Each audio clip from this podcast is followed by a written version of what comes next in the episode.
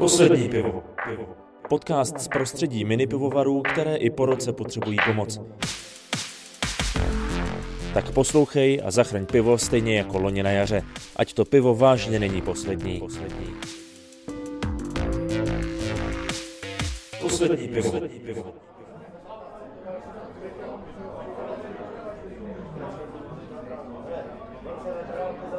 Už rok pomáháte zachraňovat desítky minipivovarů. Bohužel ani po roce není situace pro některé z nich o moc růžovější, spíš naopak. Od podzimu zavřené hospody znamenají naprosto zásadní propad tržeb a na kompenzační programy dosáhne kvůli často nerealisticky nastaveným podmínkám jen málo kdo. Do Zachraň pivo chodí spousta příběhů o tom, jak pivovarníci nemají peníze pomalu ani na chmel nebo dokonce základní vybavení do pivovaru. A tak jsme se rozhodli, že za některými vyrazíme a jejich příběh natočíme. Je to trochu terapie, protože u piva se ze svých problémů vždycky vypovídáte líp. A pro vás trochu i připomenutí, že pivo nemusí být jen desítka v plechu z místní večerky prvním díle podcastu Poslední pivo se podíváme do pivovarů, které navazují na tradici, lokální nebo rodinou. Tradice vám ale bohužel splátky úvěru a chod pivovaru nezaplatí. Poslední pivo. Podcast z prostředí mini pivovarů, které i po roce potřebují pomoc. Ahoj, já jsem Vojta Koval a tohle je podcast iniciativy Zachraň pivo, která se snaží pomoct mini pivovarům překonat tuhle koronavirovou krizi. Poslední pivo. Jeden z velmi silných, ale poměrně typických příběhů jsem si vyslechl v Lomnici v okrese Brno-Venkov v pivovaru Genius Noci. Jana Pavlišová s manželem Ivem navázali na místní pivovarskou tradici sahající až do 16. století. Podnikání rozjeli bez dotací a investorů a aby dosáhli na půjčku, museli zastavit chatu na Vysočině, byt v centru Brna a půlku pivovaru. Teď už se rok honí sedm dní v týdnu, aby byli na nule. Ivo Pavliš je teď jakožto jednatel pivovaru na úřadu práce a brzy se bude muset ve svém vlastním podniku zaměstnat, i když ten na to teď nemá prostředky. Pomáhá rodina, ale i tak Jana říká, že krizový překážkový běh, který už rok předvádí, jí občas připadá jako s puškou v zádech a ostnatými dráty před očima. Poslední pivo. Tady historicky býval pivovar. Pivovar tady býval, no. My víme jako nejstarší záznam z 1600, nevím kdy přesně. Jo, 1601. 1601. Jsme ale, našli vlastně no, že no. záznam o tom, že pivovar někdo od někoho koupil. Jo, jo, starší takže... záznam nebyl dohledáný. Později se majitelé Lomnického pivovaru několikrát změnili, až ho koupila první pivovarská společnost Morávia, pozdější Starobrno. A ve 20. letech minulého století budovu pivovaru i se zřejmě nejstarší sochou Gambrina v Česku získal Ivův pradědeček. No a měl tady vlastně jako truhlářskou dílnu, truhlářský provoz a Mělo to až do 48., kdy mu to komunisti zebrali a nechali teda rodinu tady bydlet v jedné nebo ve dvou místnostech, ale stroje se samozřejmě rozprodali nebo spíš jako socialisticky rozpůjčovali. No a po revoluci se to naší rodině vrátilo a teda nikdo neplánoval, že se tady obnoví pivovar, ale to až jsme se dali s ženou dohromady. Tak. To mě právě zajímá, jak já jsem čekal příběh, že pradědeček se rozhodl, že truhařina ne, že tady obnoví pivovar, ale takže vy jste vlastně první pivovarníci zase tady jo, z toho jo, vašeho jo, klanu. No, nikdo, nikdo vlastně jako by z rodiny k tomu neměl nějaký vztah, nikdo nevařil pivo. Až já, protože mě pivo vždycky chutnalo, tak jsem si říkal, jak jsem byl nasátý asi tady tím duchem a tou atmosférou, tak jsem si říkal, to by bylo, nebylo by to špatný zkusit tady ten pivovar uh, obnovit. No a tady ta myšlenka mě asi v hlavě jako šrotovala několik let a než jsem poznal ženu, která řekla, že jestli o tom nepřestanu mluvit, tak se se mnou rozvede. tak. a nebo to, neřekla, ale... nebo to zrealizuje, tak už nebylo cesty na zpátek a tak jsme se rozhodli, půjdeme do toho. Trochu rozhýbat ledy měla pivnice, kterou Jana s Ivem otevřeli naproti přes náměstí u souseda ve sklepě. Loni v létě. Takže jen na chvíli. Jako je pravda, že když jsme otevřeli tu pivnici, tak to už bylo lepší, protože přece jenom tady to je soukromý klub, je to nepravidelně otvíraný, teďka vlastně furt zavřený. Jak jsme otevřeli tu pivnici, tak to, tak to vlastně hrozně začalo pomáhat. To šlo vidět hned, že prostě lidi začali chodit i ty místní. No ale to jsme měli dva měsíce, že? No ale ten princip toho, že si jdou sednout jako na pivo, ne, že si k vám jdou do pivovaru dát škopek, když to řeknu, ale že si sednou do té hospody, tak to asi funguje. Že jo, to je prostě jo, takový jako psychologický jo. efekt, prostě jdu si sednout na pár piv jako s kamarádem. A to je taky váš objekt? Nebo jste ne, to ne, asi... ne. Ne, ne, ne, to... Ne, ne, to o, vlastně jakoby soused naproti. Domluvili jsme se na hrozně férových podmínkách, jo, což je jako jediný důvod, proč jsme do toho šli, jakože, že, že jsme věděli, že to jako zvládneme. hmm. Takže teďka je tak hodný, že nám vychází vstříc, že nemusíme platit nájem, jo, protože je to zavřený. Což je úplně super, protože jinak bychom to zase zabalili. Že? Vy jste to otvírali vlastně ještě před začátkem té koronakrize, že? No mezi. Jako mezi. To byl srpen? srpen? Jo, to byl srpen. srpen no. A tak tenkrát to dávalo smysl, že jo? Vypadalo to jako, léto bylo fajn, jo. mohlo se sedět všude, vypadalo to, že by to mohlo chvíli vydržet. Hmm. Přesně tak. Dva no. měsíce. Už jsme byli doma. Ale vlastně díky té pivnici jste ve finále si sáhli aspoň na na něco málo, co vám vlastně přispějou. Že jo? jo, to je pravda. No. Vlastně díky tomu, že jsme otevřeli pivnici, kterou máme teďka zavřenou, tak máme vlastně příspěvek na mě jako zaměstnance, který už vlastně tam díky tomu nemůže pracovat vůbec, tak máme nějakých těch 60% eh, toho mýho platu. Což je jako hezký, ale já nevím, no, jak když má člověk hrozný hlad a dostane čtvereček čokolády. No. tak takový uh, na chvilku dobrý, ale jako žít se z toho nedá, no. Předpokládám, že na pivovar nešlo šáhnout na nic. Ne, vůbec nic. Na nic jsme nedošáhli. Ani když teďka jako trošku ty podmínky snížili na těch 50%, z toho myslím, že obratu to je, tak tam se to počítá zase jako z průměru nějakých třech měsíců. Na mě to účetní vysvětloval. Já to ani nechci vědět zatěžovat si hlavu, tak prostě na to nedošáhneme. No, jako, ale možná je dobrý říct proč, jo, protože jako tady se hrozně řeší obrat, ale je hrozně důležité si uvědomit, že pro pivovar jako asi pro více firm, ale pro nás se to vlastně úplně změnilo v tom, že my jsme prodávali hlavně pivo v sudech. Jako já můžu říct, že my před koronou, před tím jarem, před rokem jsme prodali třeba 60 lahví týdně. My jsme jako fakt e, i když jsme si dali na lahví hrozně záležet, aby byli hezký a, a dobře nás propagovali, tak jsme jako měli takový ty zásady ze začátku, že chceme hlavně sudový, hlavně jakoby málo odpadu, jo, takže jsme jakoby nechtěli úplně zamořovat všude všechno prostě lahvema. No, přišla korona, celý se to změnilo, že jo, takže máme lahvovačku, lahvujeme o 106 a prodáváme hlavně lahve. No a ten obrat máme v podstatě stejný, No ale já jsem, já jsem to počítala, že tím pádem my, my se nevejdeme do žádných tabulek, protože vypadá to, že si pořád vedeme stejně. No ale v podstatě za, když to řeknu úplně jednoduše, tak za 100 tisíc, když prodáme sudový pivo, tak máme úplně jiný náklady na výrobu a úplně jiný zisk. A když prodáme za 100 tisíc lahvový, tak nám hlavně jako objemově skoro nic neubyde, jo, takže nám to stojí, celý výroba stojí. A Plus ještě máme v podstatě skoro o 75% nižší zisk. Takže jako člověk jako zaplatí všechno, zaplatí půjčku bance, zaplatí nějaký svý věci, tohle jako nějaký fixní náklady a, a je na nule. a stát řekne, ale vám se vede úplně stejně jako loni, že jo? Takže... Jasně, na papíře to vypadá no, stejně. No. Tak to je si myslím, že ten základní problém, že se nemá, jako, že se to posuzuje podle obratu, který je teďka vlastně jako úplně má úplně jiný základní hodnoty. No.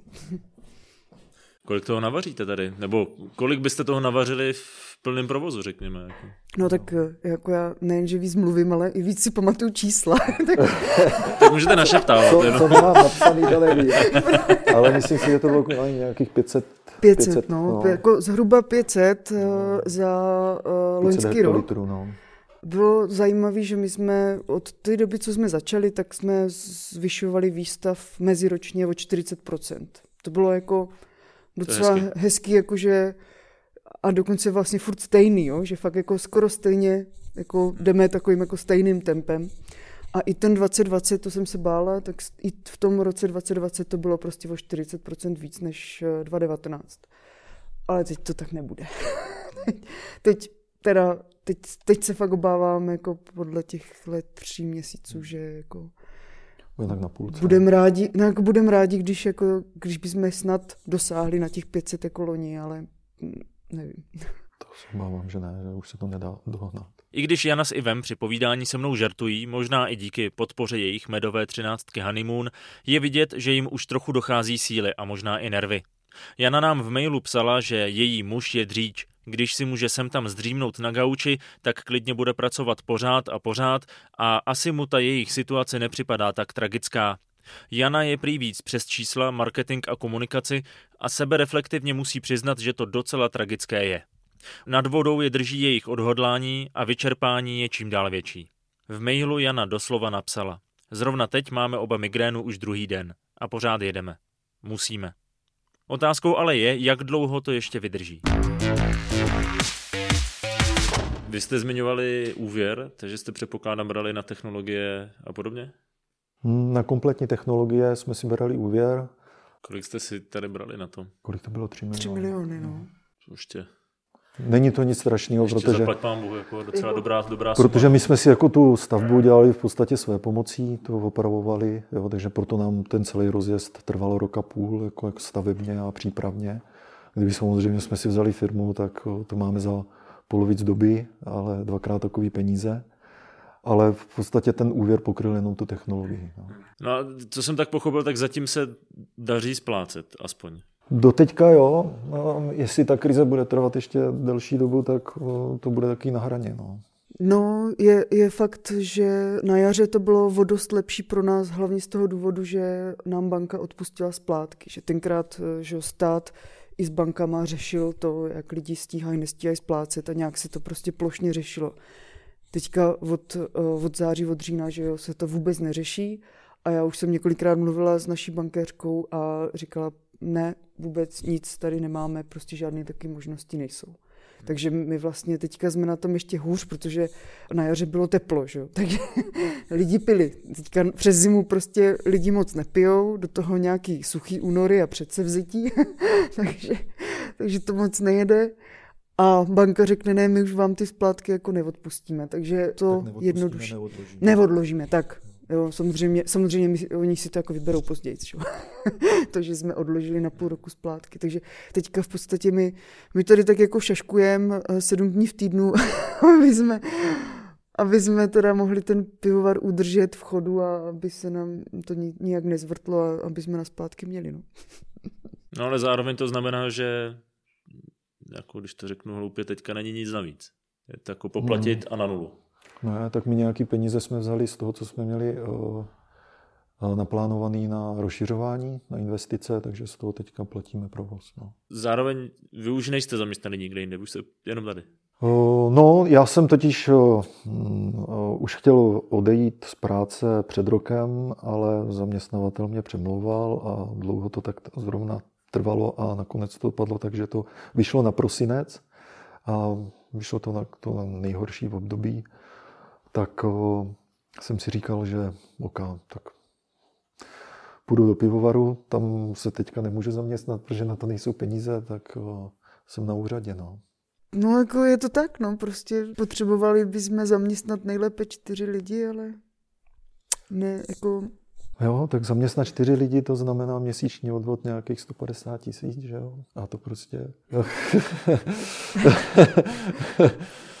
se nějak do toho, do toho pivovaru nedá zakomponovat, protože ten si vydělá jenom na ten svůj provoz, takže těch 150 tisíc v podstatě chybí na, na ty lidi. No. celou dobu jsem si říkala, bude to dobrý, celou dobu jsem byla jako optimistická a právě jsem furt vyčkávala na to, že se zlepší počasí, ale teďka poslední měsíc už jako na mě dopadá čím dál větší depka, jako, uh, ale my, my to jako samozřejmě nezdáme, jako já si myslím, že my to prostě nějak vydržíme, přečkáme, já se teďka dovzdělávám v oblasti marketingu, takže, takže jako hm, hledám způsoby, několikrát týdně mám různý online jako hovory s inspirativníma lidma, aby jsme dostali nový nápady, nový motory, prostě co s tím, jak to jakoby tu situaci přestát a jak to třeba pozměnit, jo, jako, nebo co změnit, protože samozřejmě člověk nesmí lpět na tom, co bylo, protože teďka to pravděpodobně bude všechno jinak.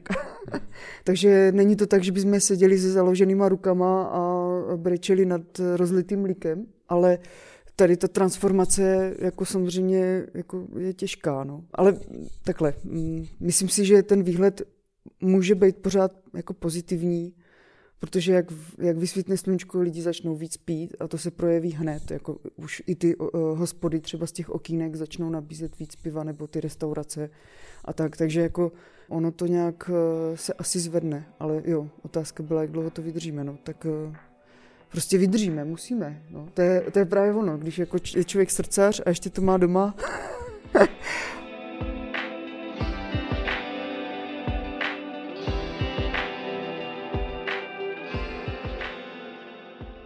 Z Lomnice se přesouváme 190 km do pražské Uhříněvsi. Místní pivovar svého času vařil zhruba 20 tisíc hektolitrů ročně.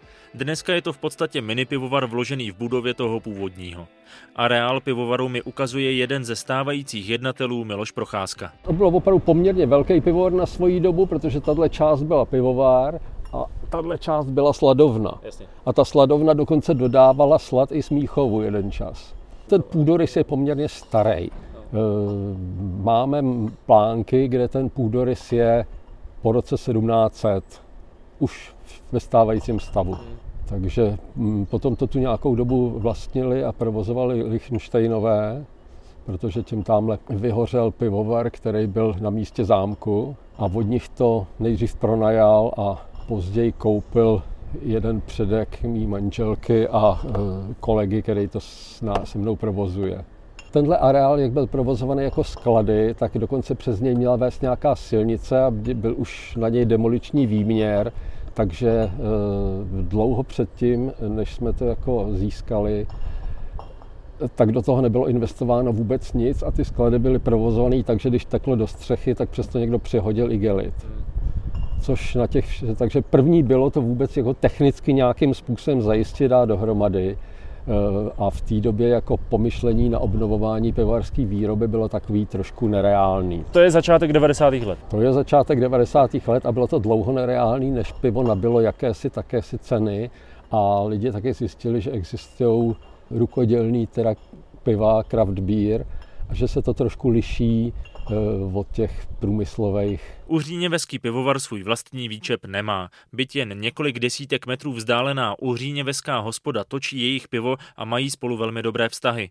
Jenže ty k dosáhnutí na kompenzace samozřejmě nestačí. Ono to má jednu nepříjemnou vlastnost, že hospody ty jako trpějí, ale mají sem tam, nejen hospody, prostě kdokoliv, komu zavřeli provoz, tak má poměrně možnost došáhnout na nějaký dotace, nějaký srovnání, teda pokud stát zakázal vyloženě provoz. Nám nezakázal, nám jenom zavřel odběratele.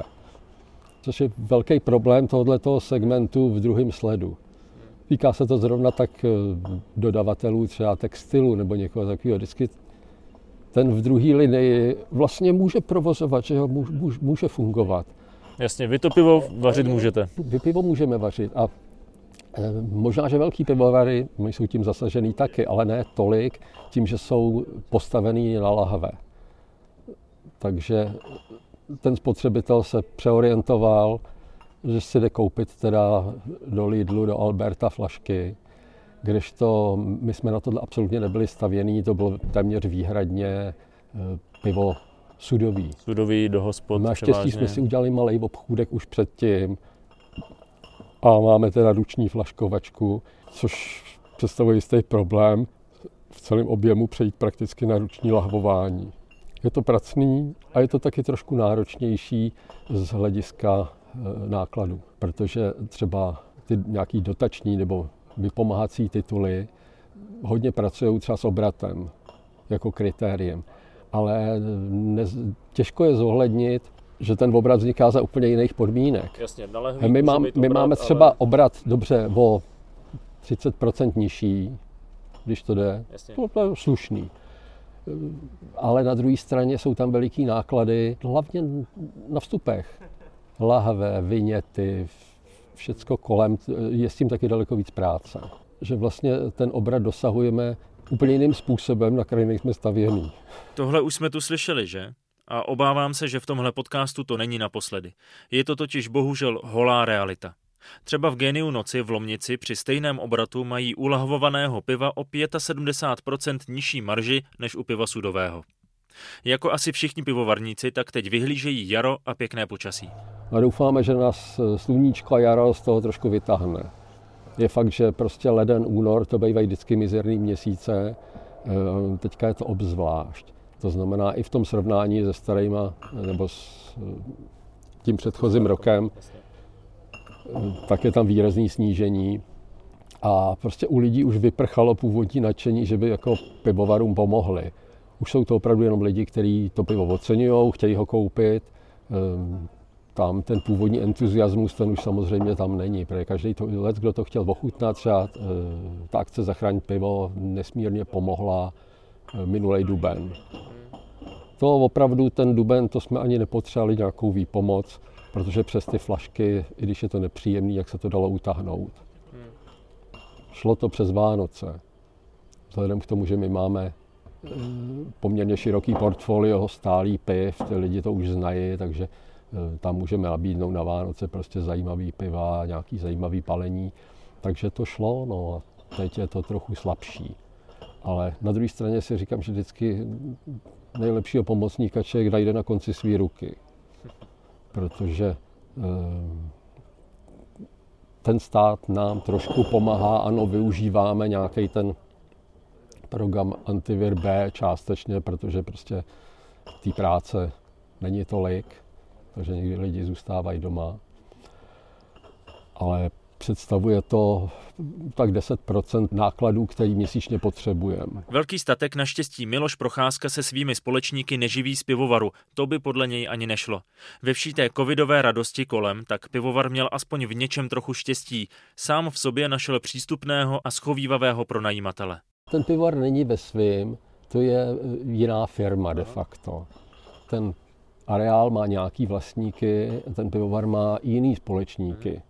Malinko se to tam částečně personálně kreje, ale za normální okolností ten pivovar by teda platí nájem, což v současné době už asi nepůjde.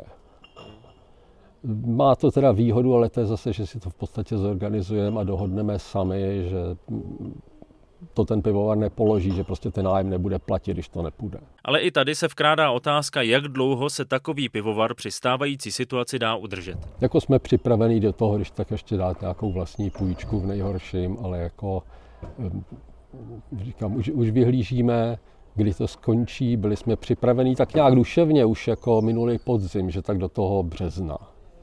Tak jsme to měli připravený. V podstatě chápali jsme situaci, i eh, my tady pravdě pořádáme pravidelný úřinovský slavnosti pivní na tomhle areálu. Už na to byly všechny plagáty a to jsme teda zrušili, že a úplně na začátku září, kdy ještě nebyla nějaká povinnost to skrečnout, tak říkal jsem si, ne, to jako nemá cenu. No ale je to už hodně dlouhý.